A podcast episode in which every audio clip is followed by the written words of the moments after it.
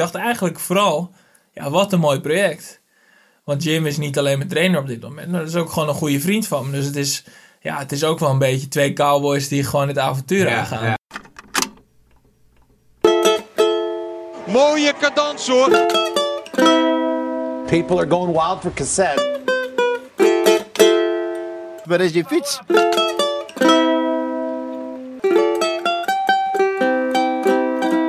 Dit is de vierde aflevering van Cassette. Tegenover mij zit een renner in vol tenue. Vandaag ga ik het met hem hebben over zijn aanval op het werelduurrecord. Dion Beukenboom, welkom. Hoi. Ehm, ik wil het vandaag gaan, met je gaan hebben over de inhoud van het uurrecord. Waarom jij denkt het te kunnen breken. Een beetje over de geschiedenis daarvan. Ik ben benieuwd wat je daarvan weet. Maar eerst, je zit hier in vol tenue omdat je midden in een duurrit zit. Dat lijkt mij dus verschrikkelijk om dat te onderbreken om eh, eh, eh, een half uurtje te gaan praten met een journalist. Ja, nou, er is koffie bij, dus ik vind het prima. Oké. Die training is voor het WK eh baanwielrennen. Klopt, ja. Over twee weken Ja. rijd je de achtervolging in Apeldoorn. Dat is 4 kilometer maximaal. Ja, dat is Dat geen me- uur inderdaad. Dat lijkt me totaal iets anders dan een uurrecord. Ja, het is, ik moet eerlijk zeggen dat het ook soms wel lastig is hoor. Ik heb het daar vorige week met mijn trainer ook over gehad. Van doen we nu andere dingen dan dat we doen als we trainen voor het uur. Eh, kijk, het is natuurlijk gewoon, gewoon wel goed dat je op de baan traint en in positie traint. En ja, dat je gewoon daarmee bezig bent. Ik ben nu zelf ook op de fiets aan het trainen waar ik het urenkorp ga doen. Dus dan, dan, dan raak je daar al aan gewend. Ehm, mijn trainer heeft voorheen Thomas Dekker begeleid. Ja. En daarbij zag je dat de baanervaring een beetje ontbrak eh, in het korte traject wat zij hadden daar naartoe. Ehm, dus ja, die baanervaring heb ik wel. En ik ben een achtervolger, dat is hoe ik nu mijn geld verdien. Dus ja, een WK ga ik niet laten liggen. En zeker niet eh, als het in eigen land is. Ehm, wat is het doel eigenlijk op dat WK? Ehm, ja, dat vind ik altijd een beetje lastig om aan te geven. Als ik, eh, als ik realistisch ben, ik ben vorig jaar achtste geworden. Toen zat ik vrij kort van plek vijf. Als ik weer, ja, met, met een goede dag kan je dan vijfde worden, met een slechte dag tiende. Ehm, Ben je nu beter dan ooit omdat je eh, dat uurrecord in augustus in het eh, vooruitzicht hebt? nou, dat, dat weet ik. Ik weet dat fysiek niet zo goed. Ik heb eh, vorig jaar in juli mijn heup gebroken. Daardoor heb ik het seizoen, wegseizoen niet zo mooi afgemaakt. Ben ik wel wat eerder weer op de baan begonnen. Ehm, ik denk dat dat een voordeel is. Alleen ik merk, ik, ik heb dan ook een PR gereden op het, op het NK bijvoorbeeld. En een evenaring van mijn PR in de, in de tweede ronde op het, E- op het NK. Dus ja, ik ben nog nooit zo goed geweest. Maar ehm, ik, eh, ik heb wel gemerkt in de wedstrijden dit jaar dat er veel jongens opeens bij zijn gekomen die ook verschrikkelijk hard rijden. Dus ja, ik hoop gewoon dat. Ja, je moet gewoon een goede dag hebben. Het moet nergens aan liggen. En nu zit je twee weken voor het WK. Ja, dan moet alles kloppen. Dan moet je rust kloppen. Je voeding en je, goede, je trainingen moet je gewoon goed doen. Ja. Dus, eh, en dan. Ja, ik geloof niet zo heel erg in de vorm van de dag eigenlijk. Maar ik merk ook wel dat. Waarom Ja. niet? Je, je denkt gewoon dat je goed bent en dan over een langere periode ook goed bent. Nou ja, ja je, je log, wij loggen alles wat we doen met vermogens. Dus op een gegeven moment zie je wel van... ehm, ja, het is ongeveer gemiddeld altijd dit vermogen. En dan Ja. kan je over een goede dag praten. Er zit er een paar wat bij. En een slechte dag is er een paar wat af. Maar ik heb nog nooit meegemaakt dat ik dusdanig slecht was... dat het bijvoorbeeld 50 wat minder was of zo. Dat, d- of, of 50 wat meer op een hele goede dag. Daar geloof ik dus niet zo. Betekent dat ook je mentale kracht? Eh, Dat jij, je, je, hoort ook wel eens eh, dat iemand bezwijkt onder de druk en ineens wel inderdaad zoveel minder trapt. Nou, ik, ik, ik voel wel een bepaalde spanning natuurlijk vooraf aan de wedstrijd. En dan probeer je het zelf een beetje weg te rationaliseren met, nou ja, Dion, oké, het kan een slechte dag zijn, maar dan scheelt het je dus eh 5 watt of zo. Of het kan een goede dag zijn en dan is het 5 watt erbij. En dat is natuurlijk, ja, 5 watt is eh, iets, iets minder dan 1% bij mij. Ja, dan, dat, ja dat, is, dat is bijvoorbeeld waarom mensen doping willen nemen, zeg maar, om 1% beter te worden. Dus het is natuurlijk wel wat. Het kan wel het verschil zijn tussen winnen of verliezen. Ja. Dus, ja, dus het is wel belangrijk, maar je probeert het mentaal wel een beetje weg te rationaliseren. Van ja, het is niet dat je opeens helemaal stilstaat en niet meer vooruit komt. Goed, je, eh, je noemt al een paar dingen die we straks nog gaan behandelen. Bijvoorbeeld cadans, vermogens, eh, baanervaring. Ehm, maar ik wil eerst naar, eh, naar wat fragmenten gaan. Ehm, het urenkoor, want daar gaat het natuurlijk allemaal om. Hè. Eh, Eddy Merckx die zette dat in 1972 op 49 kilometer en 431 meter. Ehm, sinds 2014 zijn er nieuwe regels, waardoor er een soort nieuwe golf Mhm. met aanvallen is gekomen. Ja. Dat is het even in het kort. Eh, en ik heb wat van de geslaagde pogingen heb ik achter elkaar gezet. Hier komen ze.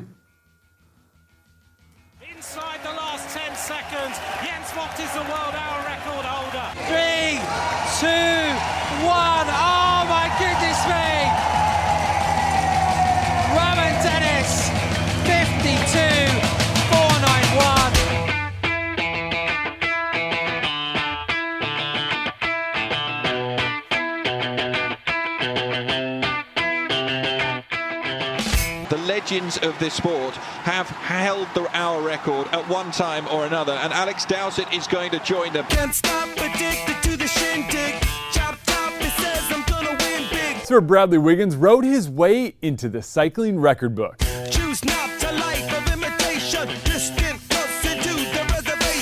Wiggins' new record distance of 54.526 kilometers surpassed the previous record of 52.937 kilometers set by fellow British rider Alex Dowsett back in May. Street pump the pistol that you pay for. This pump the feeling that you stay for. In time, I want to be your best friend. Eastside love is living on the west end. Wiggins compared the challenge of breaking the hour distance record to childbirth. To childbirth. Can't stop the spirits when I need you. This life is more than just a read through. It's a horrible experience. Ja, vooral dat laatste, hè? Ja. Dat is, eh, dat, de, de laatste woorden zijn van Bradley Wiggins. It's a horrible experience. Ben je daar bang voor? Eh, ja, wel steeds meer. Ik was er op het begin nog niet zo mee bezig. Maar eh, ja, ik, ik realiseer me nu ook wel gewoon... Je merkt op het moment dat je dit aangegaan bent wel... Het maakt eigenlijk niet zoveel uit wat ik doe. Eh, telkens als ik op mijn vermogensmeter kijk... Dan denk ik, oh, dit moet ik straks dus een uur gaan doen. Of als ik op de baan 10 minuten achter de dernie zit... en na 5 minuten denk, ik zit helemaal niet lekker op mijn zadel... Dan denk ik, ja, dat is dan straks in dat uur gewoon nog 55 minuten en niet zeiken, weet je. En, of ik wil even uit, uit die positie of zo. En dat, eh, Is dat iets waar je continu mee bezig bent? nou, als Of ik, vooral als er iets misgaat of als er iets niet lekker nou, voelt? soms, soms passeert het gewoon mijn gedachten. We hebben, dat is ook wel mooi om bijvoorbeeld het WK te rijden. We hebben ook best wel een uitgebreid wegprogramma nog ertussendoor zitten. Gewoon om, om conditioneel gewoon topfit Ja. te zijn. En dan, dan heb je gewoon tussentijdse doelen. Die uiteindelijk in teken staan van het hoofddoel. Maar je, ja, als, je, als je nu al zo in die cocon moet zitten, dan, eh, ja, dan is het niet te doen. En ik merk gewoon, zelfs als ik soms even niet meer in de cocon ga, dan is er wel weer iets wat zegt van, hé, hey, je hebt dat uurrecord eh, in augustus. eh, hoe wil je dat gaan oppakken? En eh, waar ben je mee bezig? ja, maar dat is, de, dat is consequentie van dit aankondigen Ja, zeker natuurlijk. weten, zeker weten. Dat klopt ook wel. En ik, ik ben ergens ook wel blij dat we het zo vroeg hebben gedaan. We wilden het eerst wat later doen. Zeg maar na het WK of zo. Zodat ik wel in wat meer rust het kon doen. En nu was het eigenlijk... Hebben we het aangekondigd voor mij vlak voor het EK. Ja, toen, toen moest ik rijden omdat ik anders niet aan het WK kon deelnemen. Maar ik had net... eh, ik zat net de drie weken op de fiets van mijn heupbreuk. Dus na mijn heupbreuk. Dus dat was best wel een rare periode. Maar daardoor heb je de ergste golf van aandacht al wel Ja, gehad. Dus ja. dat is wel prettig. Inspireert het als je zoiets hoort? Ja, ik krijg er wel kippenvel van. Het is Ja? wel mooi hoor. Ja, ik heb ook eh, twee weken geleden die documentaire op Canvas gezien. Ja. Eh, ja, dat was ook gewoon gaaf. Het In is... die, in die documentaire wordt eigenlijk het hele uurrecord ontleed. Ja, ja, klopt. klopt. Van eh, alle aspecten die een rol spelen. Zoals cadans, de, de vermogens die je Ja, moet trappen. trapefficiëntie, lijnen rijden. Ja. En dus een heel stuk aerodynamica natuurlijk. En een stuk conditie. En een stuk VTM max. En een stuk wattage. Ja, het is echt... ik vond het wel dubbel om te zien. Omdat je enerzijds kijk je als liefhebber gewoon. En vind je het gewoon mooi. En anderzijds, ja, ik ben al iemand die, die mezelf best wel veel druk oplegt. Dat hoeft de buitenwereld niet per se te doen. Je hoeft Ja. ook niet bang te zijn dat het te weinig druk is. Want ja, ik leg mezelf nog meer druk op, zeg maar. Maar de, ja, het is, het is dan dubbel als je dat kijkt. Je denkt wel van shit, weet je. En gelukkig in, het, in de laatste 30 seconden van het interview, of van, het, van die documentaire van een uur, waar, waarbij het, ja, volgens mij het programma ook, eh, of die documentaire reeks iets van eh, wereldrecords of zo. Ja, er eh, worden, het is een serie van zeven waarin wereldrecords worden ontleed eigenlijk. ja, maar dat zijn allemaal van die dingen waarvan iedereen denkt, dit kan nooit meer verbroken worden. Zoals Ja, het ja. record hoogspringen of verspringen of dat soort dingen. En ja, het wordt hier echt bijna een soort als mythische prestatie neergezet, wat, ik, wat, wat ook goed is. Alleen de laatste 30 seconden zegt Alex, Alex Dowsett ook van...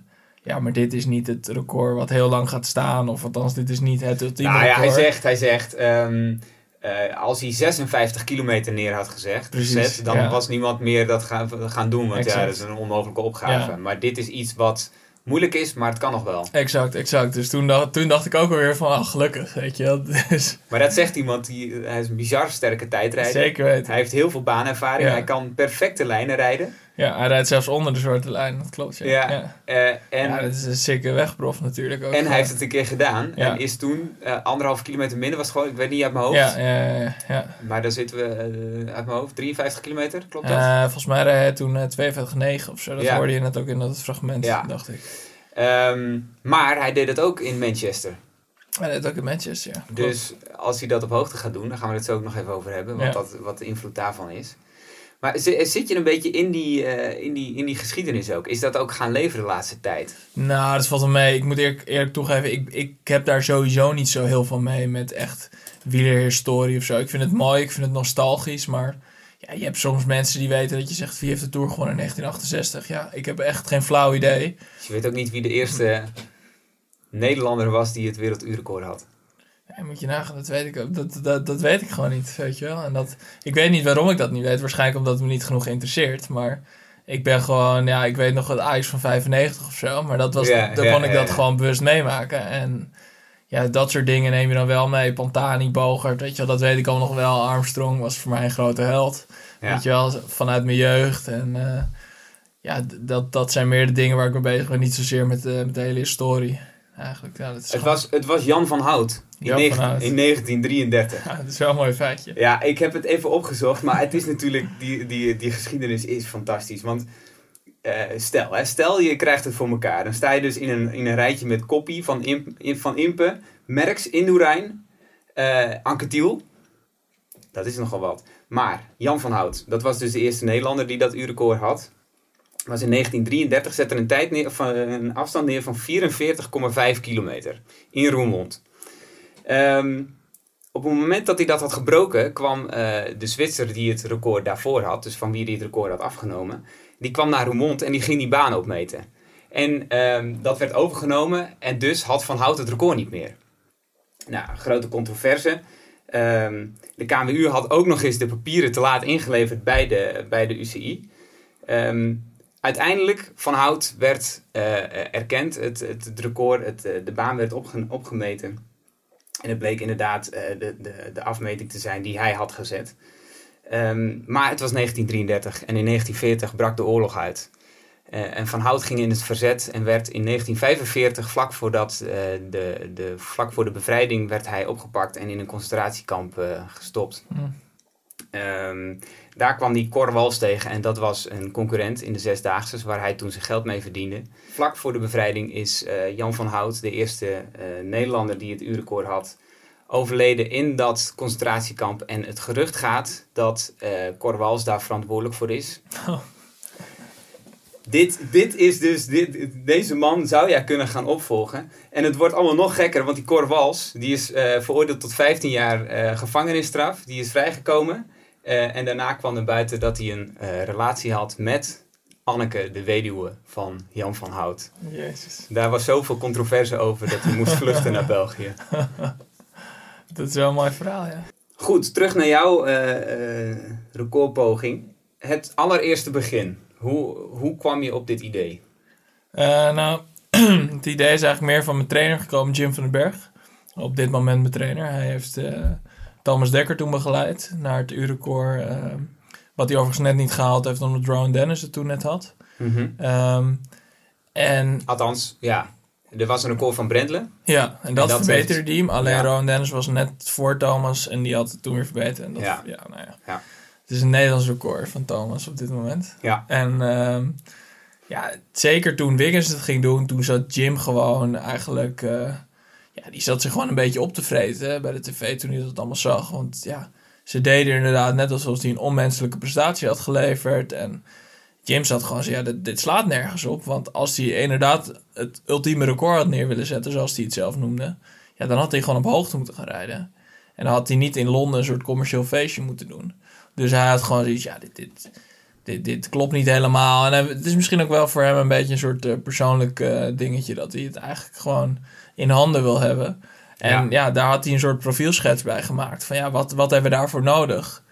Eh, en ik ken Jim, ik heb met- met eh, Jim een paar jaar in de ploeg gereden.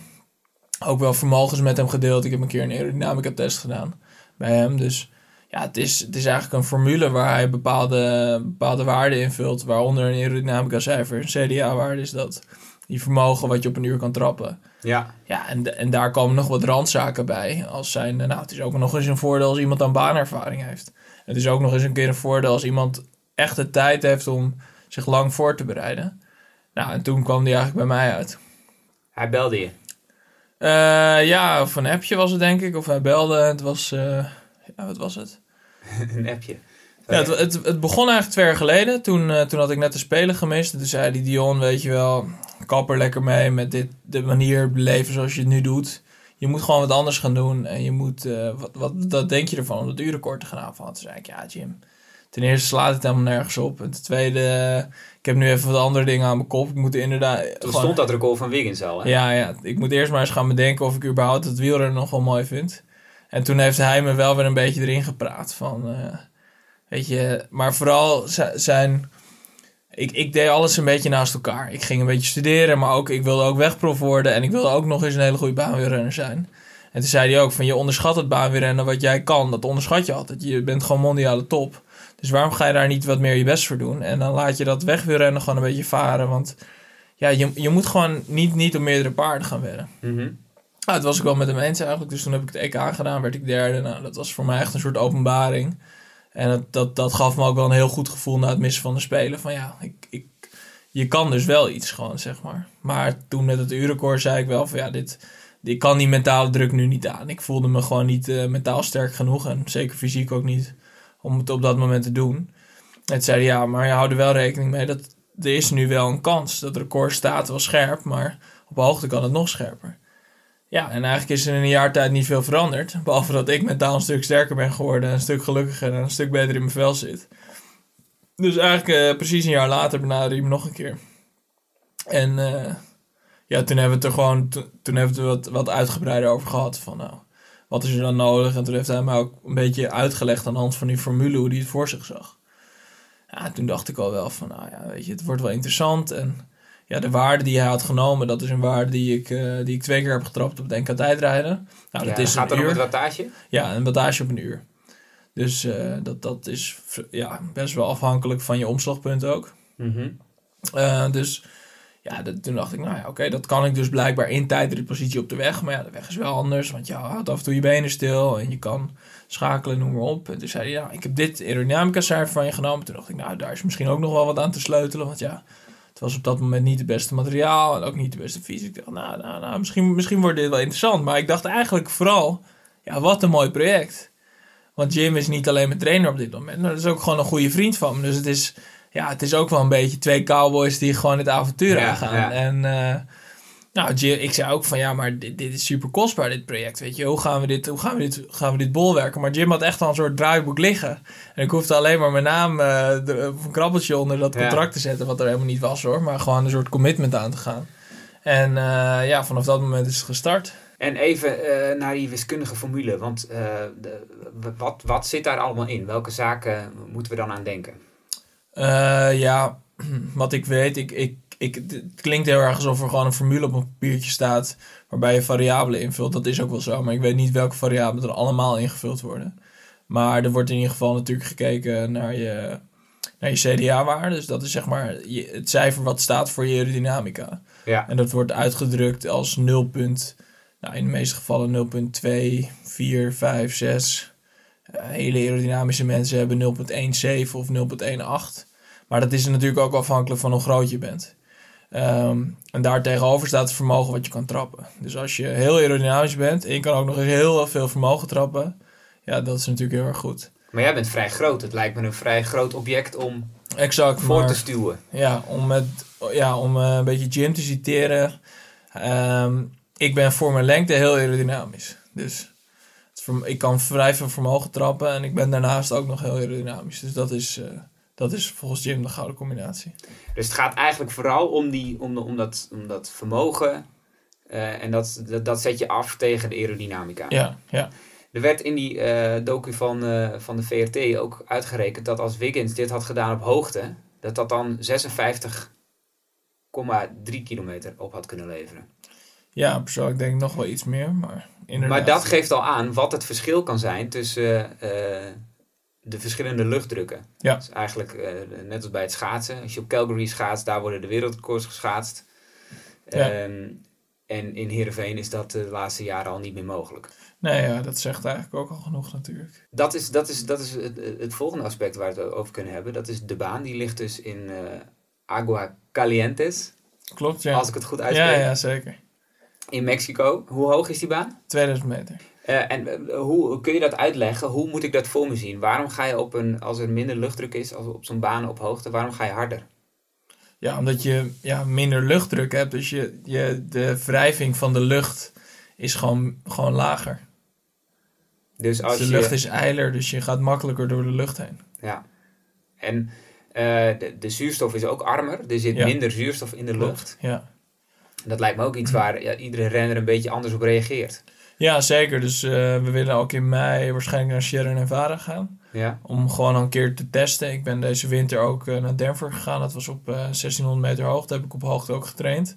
Gewoon dat je wel weet hoe je gaat reageren. Volgens mij Merckx is toen heen gevlogen. En de dag daarna heeft hij toen een poging gedaan. Ja, en die ging, die, hij vertelde dat hij met zuurstofflesjes onder dokterscontrole, eh, of althans met lucht met minder zuurstof, Ja. ging trainen. Ja, ging die, exact. Ja, ja. Zodat je, de- ja, je- dat je je lichaam een beetje verrast, zeg maar. ja, Dat zou je ook nog kunnen doen, maar ehm, wij gaan nu waarschijnlijk 12 dagen van tevoren. En Jim heeft gewoon gekeken, ja, je kan ook vier weken van tevoren gaan. Maar het, vooral de adaptatie is de eerste 10 dagen vrij snel. En dan blijft het een beetje op een soort steady state hangen van 5% vermogensverlies. Ehm, ja, dat zou naar 4,2 kunnen gaan als je er heel lang zit. Maar het nadeel op hoogte is dat je ook slechter herstelt. En dat je waarschijnlijk wat spiermassa gaat verliezen. En dat willen we eigenlijk weer niet. nee. Dus vandaar dat ik ook niet in een hoogtetenten ga slapen en dat soort dingen. Je wil gewoon sterk, sterk hier zijn, veel vermogen hier kunnen trappen. En daar wat verliezen, maar genoeg in die balans, in die weegschaal om eh, uiteindelijk... Goed, gaan we naar die eh, aerodynamica, het volgende aspect. Ja, Je had het er al even over, de CDA-waarde, zeg ik dat goed? ja, ja. Eh, en ehm, dat gaat er gewoon om hoeveel, hoeveel luchtweerstand jij eh, hebt Ja, klopt. door je positie op de Ja. fiets. Daar, doe je windtunneltesten voor? Zag ja, voorbij komen. Klopt, we hebben nu twee keer getest op de baan. De, dat is gewoon op de wielerbaan in Amsterdam, waar de, de homebase van eh Robiek zit, het bedrijf van Jim. Ehm, en daarbij ga je gewoon 12 rondjes op een constant tempo fietsen. Wordt het vermogen gemeten. En ja, daar zit ook allerlei wiskunde aan vast. En dan kunnen ze dat CDA-cijfer meten. Dus daar hebben we nu eh, twee keer getest met de fiets. Wat verschillende posities getest. En toen kregen we een aanbieding van BioRacer om bij hun in de windtunnel te gaan testen in eh, Vlaanderen. Dus daar hebben we iets van, volgens mij hebben we 45 runs gedaan. En hebben we eigenlijk nog niet eens alles getest. Want je Eh, moet echt, je, je test alles hè. Of je, Ja, eh, weet ik veel, of je, of je haar moet afscheren. Of, of dat je... dat soort dingen een kan je allemaal zien eigenlijk. Ja, Of, ja, eh, ja. of, je schoenen, of je, of je schoenplaatjes. Ja, schoenen konden we eigenlijk alleen niet testen, omdat je, je zit stil in de windtunnel. En ja, een schoen die draait natuurlijk de hele tijd. Dus dat, dat maakt het wel, eh, wel moeilijk meetbaar. Dus dat, maar ja, wat, wat ons hoofddoel was van die, van die windtunnelruns... was eigenlijk gewoon de positie optimaliseren. En we hebben ook veel testen gedaan met helmen en met wielen. Dus dat we weten dat, wa- wat het snelste is daarin eigenlijk. En die, eh, eh, je trainer, eh, Jim van den Berg, die, die, die, die, die denkt dat het beter kan. Ja. Is, het, is, is dit dus, dus op hoogte? Dat is aspect Mhm. 1. Daarin kan, het, kan het beter. Eh, in die aerodynamica kan het ook beter dan Wiggins. Oeh, dat weet ik niet of het beter kan dan Wiggins. Want ik weet ook niet wat zijn CDA-waarde was. Dat zouden die gasten natuurlijk wel uit kunnen rekenen als ze zijn wattage weten en de luchtdruk Ja. en dat soort dingen. Of de air density kijken ze ernaar. Dat is volgens mij de balans tussen luchtdruk en temperatuur. Ehm, maar ja, ik weet, ik weet niet of het... Ja, er zat, zat natuurlijk een vracht geld achter bij Wiggins ook. Met een super goede Pinarello fiets. En eh, ja, volgens mij, eh, ik ken dat dan van de achtervolgingsploeg. De Italiaanse achtervolgingsploeg. Die, ik weet niet waar ze eerst op reden. Maar die reden zeg maar 4.07. 4 minuten en 7 seconden. Ja. En die ging toen op die Pinarello Bolides rijden. Waar Wiggins uiteindelijk het op heeft aangevallen. En toen gingen ze 3.58 rijden. Ja, dat is een enorm verschil. En dan zeggen ze ook, wel, ja, ze gingen ook meer met elkaar trainen en dat soort dingen. Maar het gelul. die fiets is gewoon heel erg goed ook. Ja. Dus eh, Weet je, weet je al, eh, want je, je gaf een tipje aan het begin dat je al eh, fietst op de fiets waar je het ook op gaat doen. ja, klopt. Eh, ja, ik weet er wel welke het is, maar ik geloof dat we daar ook een soort van... eh niet moeten wachten nog. tot de officiële presentatie van die fiets. Daar willen ze nog een moment voor pakken. Maar eh, hij is wel snel. Ja, het is echt een topfiets. En net zo snel, dat weet je ook niet misschien, maar vergelijkbaar met die Pinarello van. Ja, het is, het is echt een fiets van wereldklasse. Zeker, ja. Ehm, gaan we door naar de ideale lijn. We hadden het zo net al even over Dowsett, die onder de zwarte lijn. Ja. Je hebt eh, op een baan heb je een zwarte lijn, dat is de meetlijn. Ja. Ehm, eh, en eh, daarbinnen zit nog het stuk blauw, waar je niet moet komen. En daar liggen van die, eh, van die, van die, hoe dat? schuimrubberen blokken Ja, liggen van die- op, van die de, blokken. Ja, op de Côte d'Azur heet die brede blauwe lijn dan. Want Precies. je hebt bovenin ook nog een blauwe lijn. Maar die brede blauwe lijn, ja, dat is zeg maar een soort inrijbaantje of zo. Maar daar liggen dus inderdaad schuimrubberen blokken. Eh, ja, ik ben heel groot natuurlijk. Dus het is daardoor ook wel moeilijker om, je, om echt goed die lijnen te houden. Maar we zijn nu wel naar een positie toe aan het werken op de fiets. Die enigszins comfortabel is. Dat je ook goede lijnen kan rijden. Het is, het is denk ik een beetje als met afdalen of als met motorrijden. Je, Maar gaan we jou straks echt zien op die zwarte lijn? Of? dat is wel de bedoeling, ja. Ja, ja. al is 55 per uur natuurlijk best wel hard. Of 54 eh, en een beetje. Ja. Om, eh, om op die zwarte lijnen te rijden. Maar ik wil wel van die eh 200 nog wat rondes... er eh, meer dan de helft straks zwart gaan rijden, ja. Ik, Want dat is, maar Wiggins heeft wel baanervaring, maar die zag je af en toe wel omhoog komen. Ja, maar het, het is, ja... Ga het voor de grap maar eens een keer proberen. Het is gewoon echt... Ja, ik heb wel eens, nou, ik, heb, ik, ik fiets op de weg, maar ik, Ja. fiets, eh, ik heb één keer een, bla- een baankliniek gedaan. En daar eh, doen ze altijd de oefening dat je, dat je één ronde maximaal gaat. Ja. Nou, ik kon hem in de eerste bocht al niet Nee, halen. precies. Het is gewoon, het is gewoon super lastig. En eh, ja, ja, daar vind ik het ook wel echt heel knap dat Dowser het onder de zwarte lijn. Ja. Dat zie je bijna niet door. En het is ook gewoon een, het is een beetje een spel van waar ga je druk leveren. Kijk, uiteindelijk wil je met dat urenkoor... ehm, kijk, wat ik net vertelde, als je wil een bepaald wattage rijden... wat, wat ik op de weg dan al een keer gereden zou hebben... dat is heel makkelijk constant te houden. Omdat je gewoon... Ja, in Nederland heb je altijd vlakke tijdrit en dat is prima te doen. Ja. En natuurlijk piekt hij wel eens naar een bocht of wat dan ook. Maar op de baan piekt hij iedere ronde. Dus eh, je krijgt zeg maar op, eh, het rechte stuk, je gaat gewoon rechtdoor. Je gaat vervolgens de curve in van de bocht. Ja, Eh, en dan krijg je als het ware een zetje mee. ja dat klopt. Ja. Ehm, en dan, maar je gaat door de bocht en je komt in het tweede gedeelte van de bocht. En dan krijg je een, een zetje tegen. Ja, het voelt alsof je omhoog fietst inderdaad. Ja, ja.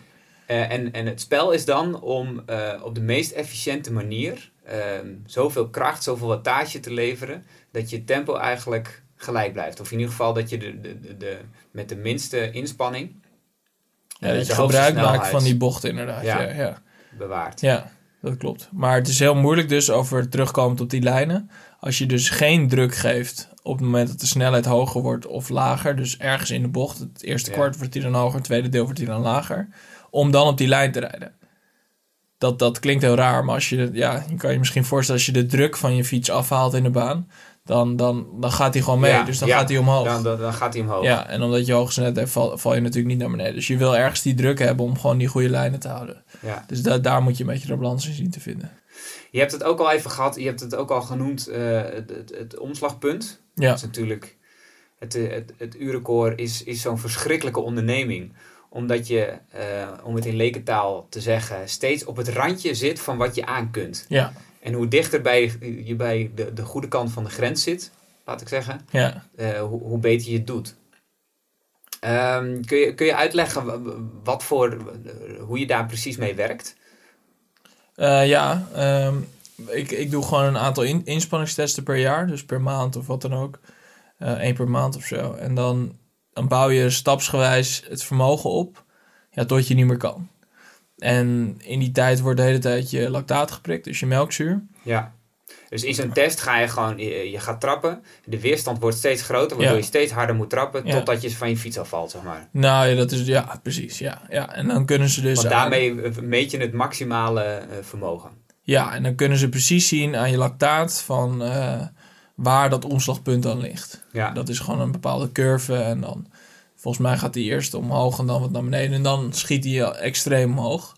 En dat stukje daar naar beneden, dat is dan je omslagpunt. En uiteindelijk is het gewoon een trainingstool. Ja. Ik moet gewoon op die dag een uur hard fietsen.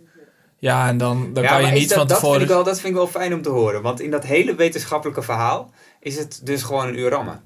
Eh, ja, maar wel met veel wetenschap. Want als ik niet de wetenschap had op welk vermogen ik moet trainen in de periode daarvoor, ja, wat ben je dan aan het doen? Eh, als ik niet de wetenschap had wat de optimale positie zou kunnen zijn. Eh, en daarbij, eh, ik weet niet of je de poging van Jack Barbridge hebt gezien. Ja, ik wou er nog even naartoe, ja. Maar die, eh, die ging helemaal kapot. Ja, maar vooral in het eerste deel ook. Die, Ja. die ging veel te hard. En zo rijdt hij ook altijd de individuele achtervolging. Dat is voor mij ook wel iets waar mensen me voor waarschuwen. Van hoe ga je, hoe ga je dat eerste kwartier doorkomen? Want iedereen start hard, weet je wel. Ja, Je, ik denk dat het namelijk voor. Ik, ik rijd met een gemiddelde cadans op de achtervolging van 120.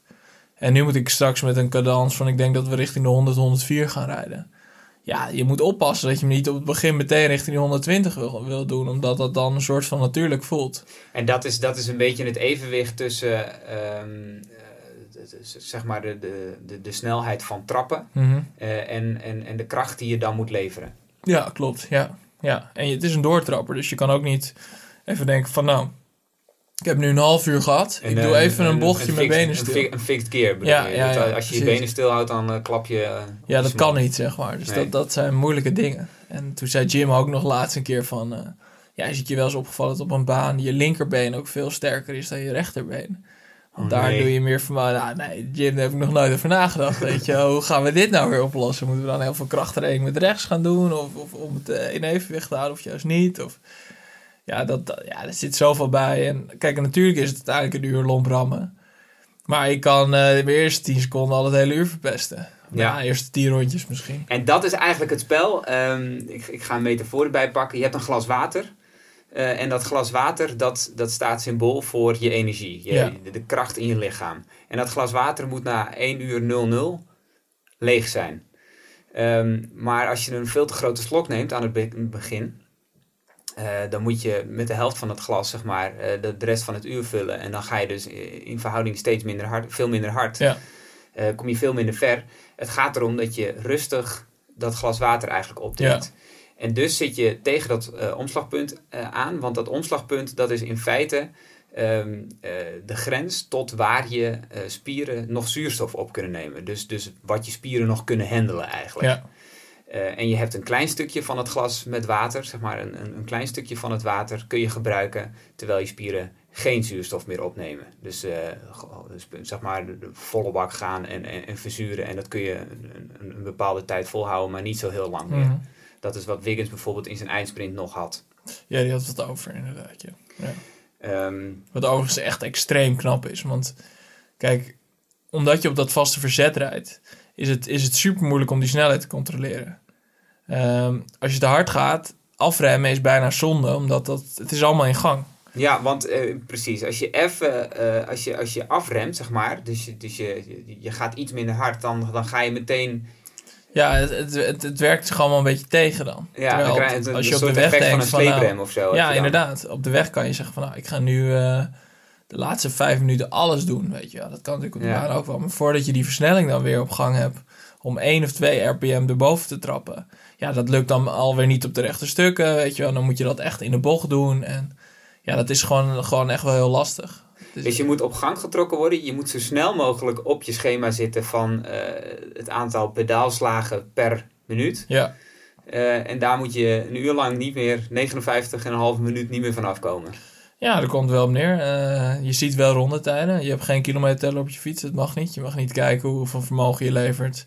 Eh, al heb je er ook niet superveel aan, omdat het, zo schommelt. Maar je mag ook niet een metertje hebben dat je je cadans kan zien of zo. Of je gemiddelde vermogen op dat moment. Dus je moet het echt op rondetijden doen. En eh, ja, dat, moet je gewoon wel heel netjes gaan doen. Dat, is, dat vraagt echt wel veel training. Ook wel veel, ja, toch blokken achter de dernie op die snelheid en zo. Dat, eh, je moet gewoon lang in die positie kunnen boren. Eh Dowsett zei wel, dat, dat voel je. Je weet precies hoeveel je trapt. En je weet precies, als, je, als je dat verzet eenmaal hebt gekozen en je hebt een bepaalde cadans eh, eh, bepaald, zeg maar. Ja, Dan weet je precies waarop je zit. En dan, dan heeft dat geen verrassingen meer voor je.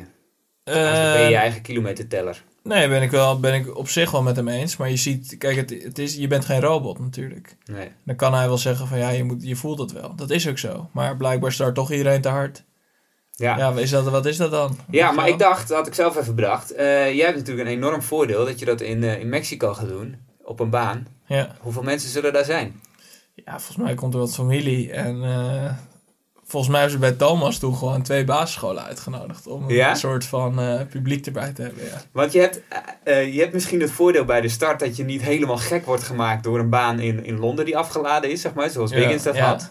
Aan de andere kant, de rest van het uur, dat was ook wel een fantastische sfeer die daar heerste. Zeker. En, en dat helpt toch ergens ook wel.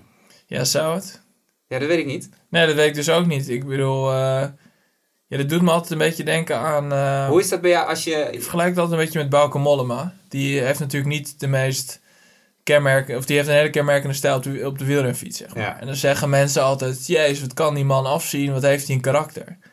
Ja, ziet hij minder af dan, eh, weet ik veel... eh, Robert Geesink, die heel rustig en stil op zijn fiets zit. Maar het gewoon wat minder uitstraalt of zo. Dat, ja, ik, ik geloof nooit zo in dat soort dingen. Natuurlijk, ik denk wel dat... Dat, dat je een oppepper kan krijgen, zeker na drie kwartier of zo. eh, als je bijvoorbeeld je vriendin hoort schreeuwen. Of je, ouder, je weet dat je ouders erbij zijn. Of je realiseert je opeens van, hier doe ik het allemaal voor.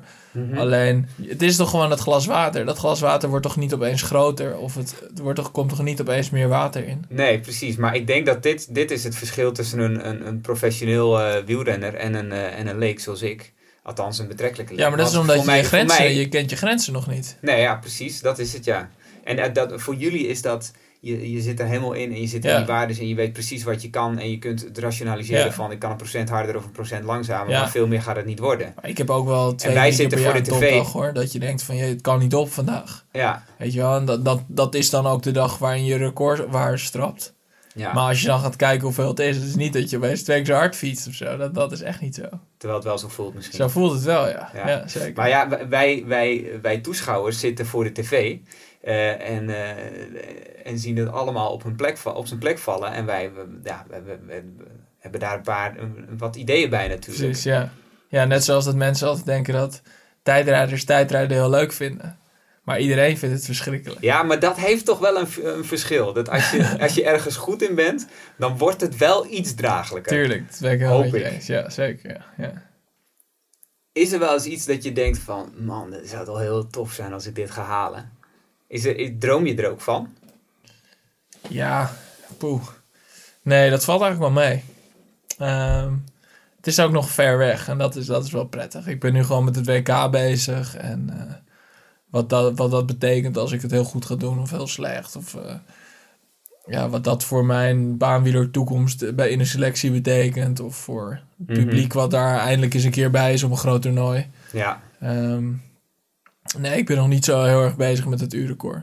Ik ben wel een beetje plannetjes aan het maken voor daarna.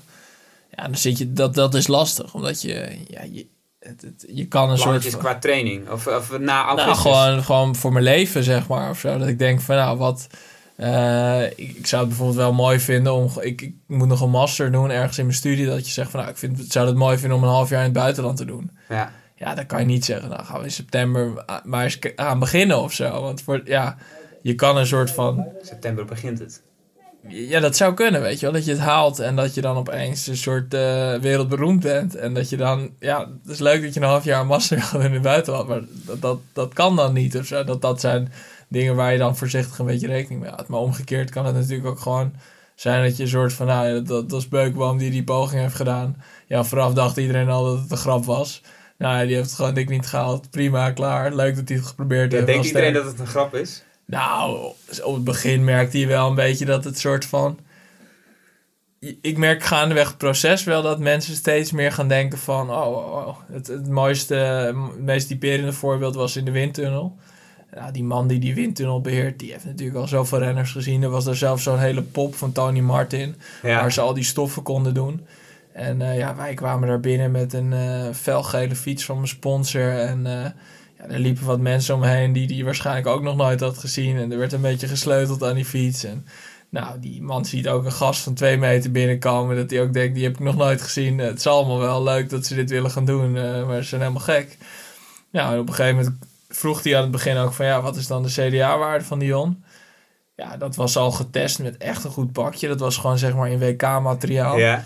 En toen gingen we op die spullen met die fietstesten en al die dingen erop en eraan. En die CDA-waarde werd de hele tijd maar lager. Dus die man die werd helemaal enthousiast op een gegeven moment ook. Die stond op een gegeven moment stond die soort half in die windtunnel. Je van, zag je een moet- paar halve zolen uit Nederland Ja, binnenkomen. ja, je moet dit ook nog proberen. en Dit en dit. En eh, ja, misschien kunnen we nog wel een keer met z'n allen gaan testen. Want dat is heel leuk. En toen na afloop... eh, ja, het was op vrijdag. Dus er was nog een soort van vrijdagmiddagborrel daar bij dat ding. En toen zei hij van... eh, ik ben toch wel een beetje een believer geworden, zei Ja. gewoon. Dus dat vond ik ook. Hij was ook heel eerlijk dat hij op het begin zei van... ah, wat is dit nou? Wat is een grote gast. En, eh, Is dat, ook, dat is, dat is, is dat ook een van de charmes van deze poging? Dat, zoals je zei, twee cowboys zijn we en we gaan gewoon eh, hier eens even laten zien hoe dat... Ja, Hoe de je dat poging heeft een soort van labeltje gekregen door, door bij de UCI dat bid in te dienen, omdat je alles geregeld moet hebben. Dus het heet nu ook Breaking the Impossible. Ja, En ja, dat, ja, dat is het misschien ook wel een beetje dan hoor. Al, al gelooft Jim wel dat het niet impossible is. En. Ik begin dat ook steeds meer te geloven, gelukkig. ja, Breaking the Impossible, ja. Het is natuurlijk niet onmogelijk. Hoe groot acht je zelf de kans? Poeh, dat is lastig. Ehm, ja, in procenten is dat niet uit te drukken. Ik, ik, ja, ik ben er eigenlijk helemaal niet mee bezig. Ik denk ook niet dat ik daarmee bezig moet zijn. Nee. Ik bedoel, eh, het, het wordt al heel erg neergezet als zijn Dion gaat Bradley Wiggins eh, aanvallen of zo. ja, ik ga gewoon mijn ding doen. En eh, daar ga ik gewoon nu tien maanden, of wat is het nu nog, acht maanden. Wat is het, zes maanden zelfs, denk ik. Ja, half jaar. Keihard voor trainen. En De datum staat nog niet vast, hè? nou, het zal ongeveer 22 augustus worden. Maar ik zit nu in een eh WADA-programma voor een bloedpaspoort. Oh ja. Ja, dat kan heel snel gaan. Maar dat, dat kan ook zijn dat ze na vijf metingen denken, we willen er nog vijf hebben. En dan kan het wat langer duren. We willen ook de data nog niet helemaal vastzetten, omdat ja, we willen gewoon, stel we zijn daar een week en op woensdag is de luchtdruk super laag, maar we hebben bedacht dat het op maandag moet. Ja, dat zou zonde zijn. Dus eh, we houden het nog een beetje open. Ja, ik vind het ook grappig dat je niet gelooft in de vorm van de dag. Ik zou op een dag dat ik me echt goed voel, zou, zou voelen. Ja, dat is ook weer... Nou ja, kijk, het wordt natuurlijk wel een beetje nagebijt als, je, als het dan de 22e is en Jim die zegt... eh, ja, Dion, eh, we gaan het toch over drie dagen doen. Ja, dat Ja. kan je mentaal amper trekken. Of omgekeerd, dat je er aankomt en dat die zegt van ja, de 19e is de luchtdruk super laag. Eh, nou, weet je wel, let's get it over with. Kom op, we gaan het gewoon doen. Ja, ik heb geen idee nog. Nee. Het wordt wel, Nee. wordt wel pittig hoor, die, die, die laatste week ervoor, denk ik. Ja, Ik ben heel benieuwd. ik ook. Ehm, hou je van muziek? Ja, ja, Van welke ja, muziek? zeker. Ja, ik, ik luister echt hele slechte dingen hoor. Ehm, het is- Nou, mag ook wel eens in deze podcast, slechte muziek. ja, tuurlijk. Ja, op, eh, op training luister ik altijd een beetje een soort dance-achtige club, house, dat soort dingen. Ehm, maar ik ben de laatste, ja, ik, ik schommel een beetje. De laatste tijd ben ik opeens van Nederlandstalig geworden. Eh Thijs Boontjes luister ik. En, eh, Ga je, ga je iets luisteren tijdens, tijdens de poging? Eh, nou, de, het broertje van mijn vriendin, die is DJ. Of althans, een Ja? beetje... Die kan heel goed draaien en die heeft er niet echt zijn werk van gemaakt. Maar ik wil aan hem vragen of hij een, een playlist van een uur kan maken. En dat we daar samen voor gaan zitten. Ik hoorde van Jim nog, die vertelde af en toe nog wel eens mooie anekdotes over Thomas' tijd. De week van tevoren was hij waarschijnlijk zo zenuwachtig dat hij eigenlijk alleen nog maar bezig was met die playlist. Dat had hij een of andere artiest gevonden ergens in Amerika of zo, ik weet het niet meer precies. En dan was hij alleen nog maar bezig met die playlist van dat uur en hoe dat ging worden. En iedere dag had hij weer aanpassingen en zo. Ja, Dus, prachtig. Maar dat, is, dat vind ik, eh, de- als ik een tip mag geven, en ik, goed dat je hier nu mee bezig bent. Ik heb een keer een halve marathon gelopen en ik had een week van tevoren had ik een nieuwe artiest ontdekt. En ik kwam er in die halve marathon achter dat ik het verschrikkelijk vond. dus dan heb je er een week lekker naar zitten luisteren en dan Ja. ineens, weet ik veel, dan, zit je, dan ben je in je inspanning en dan heb je dat. eh, dat wil je niet hebben natuurlijk. Ja, je hebt gelukkig die helm op, dus waarschijnlijk hoor je het helemaal niet. Goed, bedankt dat je hier wilde zijn. Ja, geen probleem. En eh, succes met het tweede gedeelte van je duurrit. Komt helemaal goed.